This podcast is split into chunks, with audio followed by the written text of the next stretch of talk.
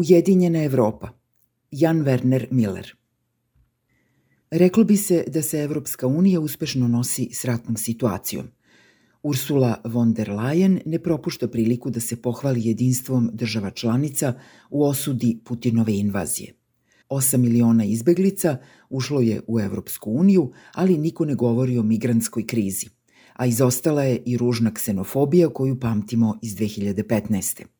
Uprkos strahovanju od dolazeće zime nezadovoljstva, cena gasa porasla je sedam puta od poslednje grejne sezone, nema nereda koje je ranije ove godine najavljivala nemačka ministarka spoljnih poslova.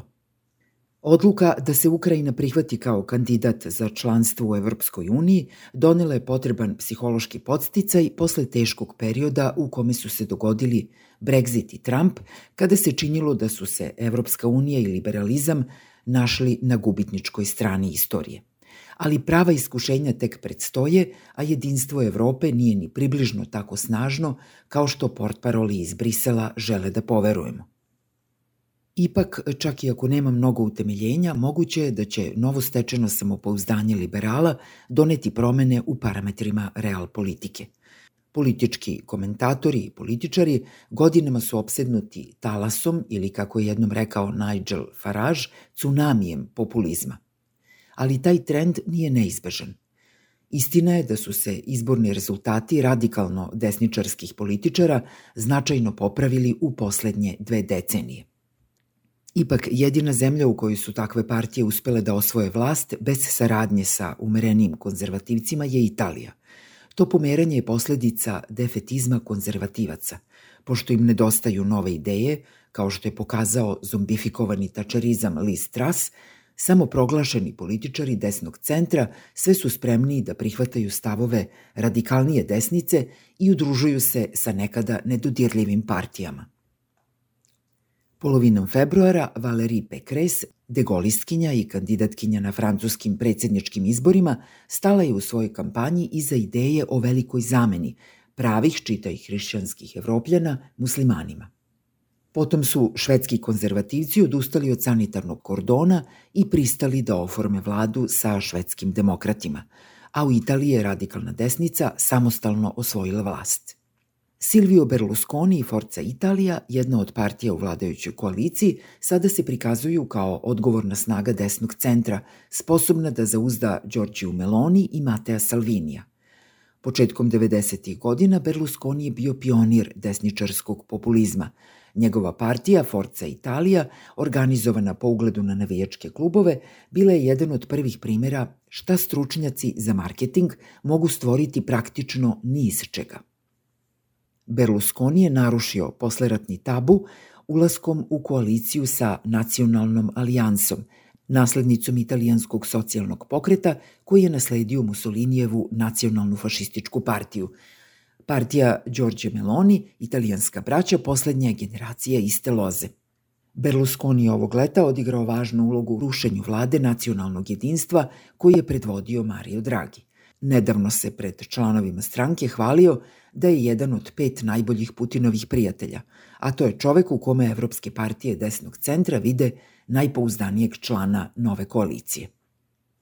Ništa od toga ne znači da je radikalna desnica nezaustavljiva, niti da će prilagođavanje njenim idejama doprineti opstanku oportunista poput Pekres. Đorđa Meloni je sve stavila na jednu kartu kada je odbila da uđe u Dragijevu koaliciju svi minus jedan, računajući da će joj se to isplatiti na sledećim izborima, jer nezadovoljnici od onih koji strahuju od visokih računa za gas do ekonomskih žrtava pandemije, nezadovoljstvo mogu da izraze jedino glasanjem za njenu partiju. Ipak, izražavanje nezadovoljstva nije isto što i puna podrška desničarskim stavovima. Meloni je upozorila Francusku i Nemačku da je zabava završena, ali njena partija će morati da nastavi reforme koje je započeo Dragi. Ako Italija do decembra ne ispuni 55 postavljenih ciljeva, Brisel neće odobriti isplatu milijardi koje su zemlji očajnički potrebne za oporavak posle pandemije.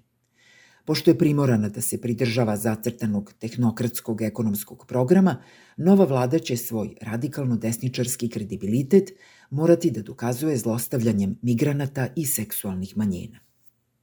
Ako Meloni ostane pri iskazanoj podršci Ukrajini, U zemlji sa više radikalno desničarskih partija veoma je važno pokazati osobenost sobstvenog brenda i nastavi da ispunjava očekivanja Brisela, možda će se učiniti da su tvrdnje o jedinstvu Evrope, koje iznosi Ursula von der Leyen, potvrđene.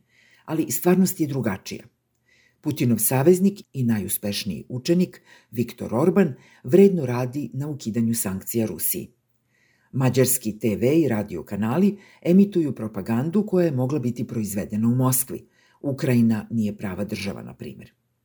Mađarski ministar spoljnih poslova otvoreno odstupa od EU konsenzusa, sastaje se sa ruskim ministrom spoljnih poslova Lavrovom i pozira sa sankcionisanim funkcionerima iz Gazproma na moskovskom skupu Nedelja ruske energije 2022. Ništa od toga ne treba da nas iznenadi. Orban je godinama obećavao glasačima da će iskoristiti sukobe istoka i zapada da isposluje najbolje aranžmane za odvažnu Mađarsku. Budimpešta ima i značajne ideološke ambicije. Svoju kleptokratsku autokratiju Orban reklamira kao poslednji bastion istinskog konzervativizma.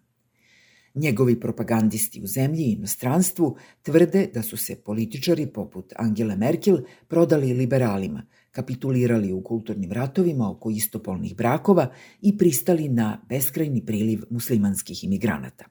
Samoproglašena i liberalna država, utemeljena na radu, prikazuje se kao poslednja nada konzervativaca. Mađarska je postala odredište za intelektualne turiste u potrazi za radikalno desničarskim Disneylandom. Tri kafea u Budimpešti nose ime Rodžera Skratona, a na meniju se nudi istoimeni koktel, bolje da ne znate sastojke. Sada kada je postalo sasvim pristojno izražavati podršku Putinu kao braniocu tradicionalnih vrednosti, ova zemlja će postati još atraktivnija destinacija. Dok se pretvarala u globalni svetionik i liberalizma, Budimpešta je usavršavala veštinu izvlačenja koristi od članstva u Evropskoj uniji uz istovremeno zanemarivanje većine obaveza. Orban je izvanično dobio izuzeće od evropskog embarga na uvoz nafte iz Rusije. Evropska komisija zna da ima posla sa autokratom koji novac evropskih poreskih obveznika preliva u džepove bliskih saradnika i koristi ga za učvršćivanje jednopartijske vladavine. Ono što je nafta za neke bliskoistočne zemlje, to su evropski fondovi za Orbanov režim. Besplatan resurs kojim se kupuje politička podrška. Ali taj model počinje da pokazuje pokotine. Sa odlaskom Angele Merkel prošle godine, Orban je izgubio glavnog zaštitnika – Tolerisala mu je sve prestupe zato što je Budimpešta nemačkoj automobilskoj industriji nudila, rečima jednog mađarskog komentatora, uslove najsličnije onima u Kini. Niske nadnice, odsustvo problematičnih sindikata ili nepovoljnih ekoloških propisa, kao i subvencije mađarske države. Prema nalazima jednog istraživačkog novinara, proizvođači automobila mogu da pozovu čak i Orbana kad god imaju problem – a njemu nije ispod časti da se u Briselu zalaže za niže standarde u pogledu dozvoljenih emisija štetnih gasova. Evropska unija prikupila obilje dokaza o korupciji u Mađarskoj. U septembru je velika većina u Evropskom parlamentu proglasila Mađarsku za izbornu autokratiju. Komisija je predložila suspenziju velikog dela evropskih sredstava odobrenih Mađarskoj, a mnogi evropski lideri, koji čak i nisu naklonjeni arogantnom parlamentu i komisiji, čiji predstavnici nisu izglasani već imenovani, već su umorni od neprekidne upotrebe mađarskog veta u navodno svejedinstvenijoj uniji. Brisel ima načina da utiče na Mađarsku.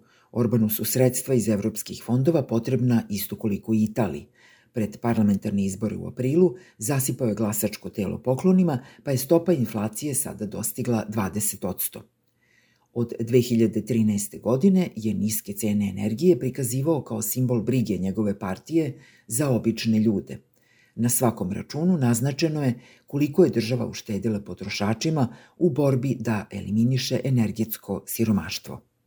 S druge strane, za razliku od desničarskih populista u Poljskoj, Orban je uglavnom ukinuo socijalnu državu, proglasio beskućništvo za krivično delo i praktično otpisao najsiromašniju trećinu stanovništva. Uprko s dogovorima s Rusijom, u avgustu je bio prinuđen da odustane od nekih ograničenja cena energije. Ipak, u ime jedinstva, Evropska unija mu gleda kroz prste. Budimpešta sada formira Potemkinovsku upravu za integritet sa zadatkom da kontroliše ispravnost procedura javnih nabavki, ali pravna analiza pokazuje da u krajnjoj instanci ovo telo kontrolišu Orbanovi saveznici. Mada Brisel ne može prinuditi ni jednu zemlju da se priključi Evropskom javnom tužiloštvu, bilo bi logično da to zahteva od Orbana, ako ovaj želi da dokaže da je ozbiljan u nameri da suzbije korupciju. Ali zašto bi on to želeo, ako je jedan od njegovih prijatelja iz detinstva, čovek školovan za rad na gasnim instalacijama koji nikada nije pokazivao naročit preduzetnički talenat, sada najbogatiji čovek u zemlji. Brisel bi mogao da zahteva i više informacija o dogovoru s ruskom državnom firmom Rosatom o proširenju jedine nuklearne elektrane u Mađarskoj. Na osnovu oskudnih raspoloživih podataka, ovaj sporazum će Mađarsku učiniti zavisnom od ruskih financija i stručne pomoći u decenijama koje dolaze. Ali čak i ako bi komisija pokušala da izvrši pritisak, Evropski savet, koji čine lideri država članica, verovatno bi se usprotivio iz straha da bi Mađarska mogla bankrotirati. Umeđu vremenu, posle ozbiljnog razlaza zbog rata u Ukrajini, čini se da su Varšava i Budimpešta na putu da se pomire i ponovo uspostave jedinstveni front. Suprotno raširenom mišljenju da se težište Unije iz Berlina i Pariza pomerilo na istok, Varšava i Budimpešta zapravo nemaju širu zajedničku viziju, osim i liberalizma unutar sobstvenih zemalja. Izvan toga saglasni su samo u bezobzirnoj rešenosti da iskoriste svoje pravo veta protiv evropskih inicijativa, kao što je minimalna stopa poreza na dobit korporacije. Moguće je da žele mnogo labaviju uniju, više britansku, ali još nemaju dovoljno političkog uticaja da pridobiju druge države za takvu viziju periferne Evrope. Ovo sporo propadanje Unije iznutra dovodi u pitanje sposobnost Evrope da ispuni obećanja data po okončanju hladnog rata, mnogo više nego kriza evra koja je privlačila najviše pažnje u protekloj deceniji.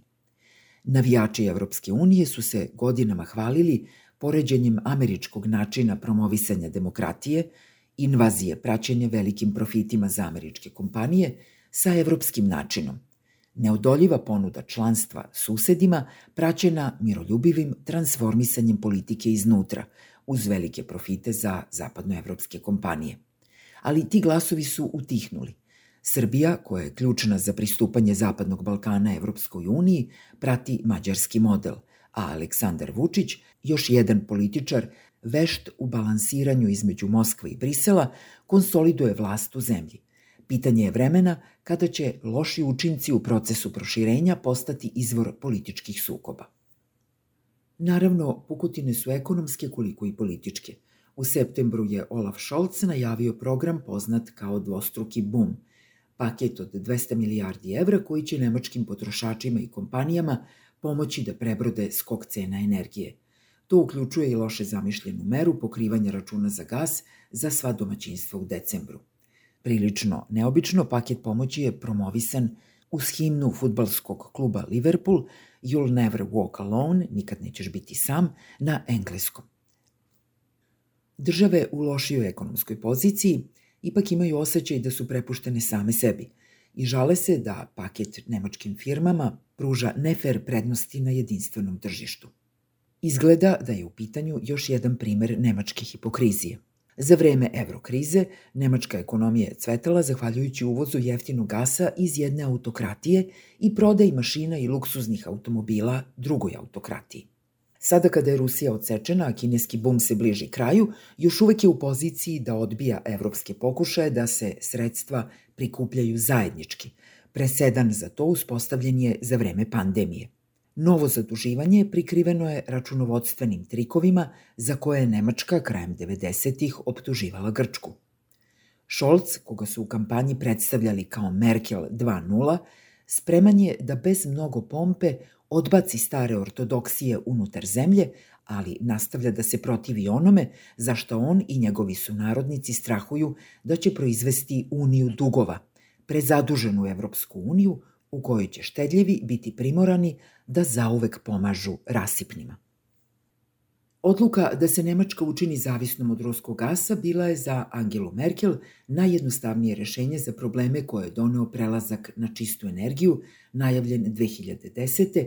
uz odustajanje od planova za razvoj nuklearne energije posle katastrofe u Fukushimi 2011.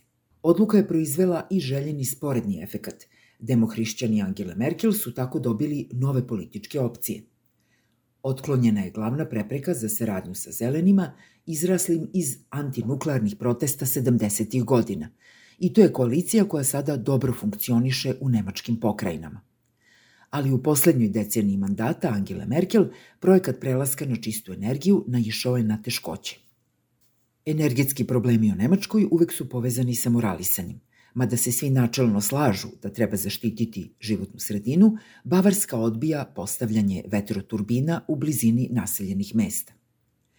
Na rešavanju ovih problema sada rade uglavnom zeleni, naročito Robert Habeck, harizmatični ministar ekonomije koji je de facto lider partije, zahtevajući istovremeno novu moralnu spoljnu politiku u odnosima sa Kinom. Posle neprijatnog sukoba lidera zelenih i neoliberalnih slobodnih demokrata, treća i najmanja partija u semafor koaliciji, članstvo zelenih se usprotivilo najavama da će tri preostale nuklearne elektrane nastaviti s radom do proleća. Šolc je iskoristio posebna kancelarska ovlašćenja, koja je Angela Merkel koristila samo jednom, a Helmut Schmidt nikada, da donese obavezujuću odluku o nastavku rada elektrana. Sa zapadne strane Rajne pristizali su saveti o prednostima nuklearne energije koje niko nije tražio. U Francuskoj su manji i bezbedniji reaktori proglašeni za dugoročno rešenje energetske krize, iako nema odgovora na neugodno pitanje šta će se raditi sa nuklearnim otpadom. Na dnevnom redu se našlo čak i hidraulično frakturisanje koje je donedavno smatrano za ekskluzivno američku gnusobu. Habek i Scholz se ponose novim ugovorima za tečni prirodni gas sklopljenim sa Kanadom i Sjedinjenim državama koji bi mogli zadovoljiti 40% evropskih potreba do 2030. Molili su i Katar za isporuke, ali tu nemaju čime da se pohvale. Uprkos velikoj globalnoj tražnji, dugoročnih rešenja još nema. Industrije poput hemijske strahuju da je njihovom nemačkom modelu došao kraj. Putin je računao da će se evropljani pobuniti protiv zatezanja kajša zbog daleke zemlje o kojoj ne znaju gotovo ništa. Izgleda da je tu bila pogrešna procena. Više nego podnošenje žrtava za Ukrajinu, bes izaziva to što teret nije ravnomerno raspoređen. Von der Leyen je predložila da Evropska unija uđe u pregovore o cenama gasa kao jedinstveni blok.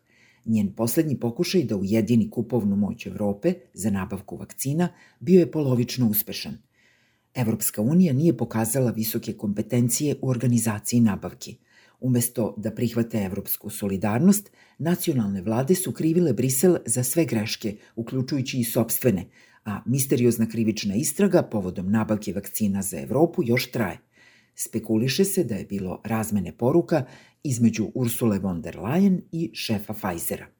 Teorijski, pojedinačne zemlje mogu spustiti cenu gasa zaključivanjem dugoročnih bilateralnih ugovora, ali to bi proizvelo nove zavisnosti i rizik usporavanja tranzicije na obnovljive izvore energije.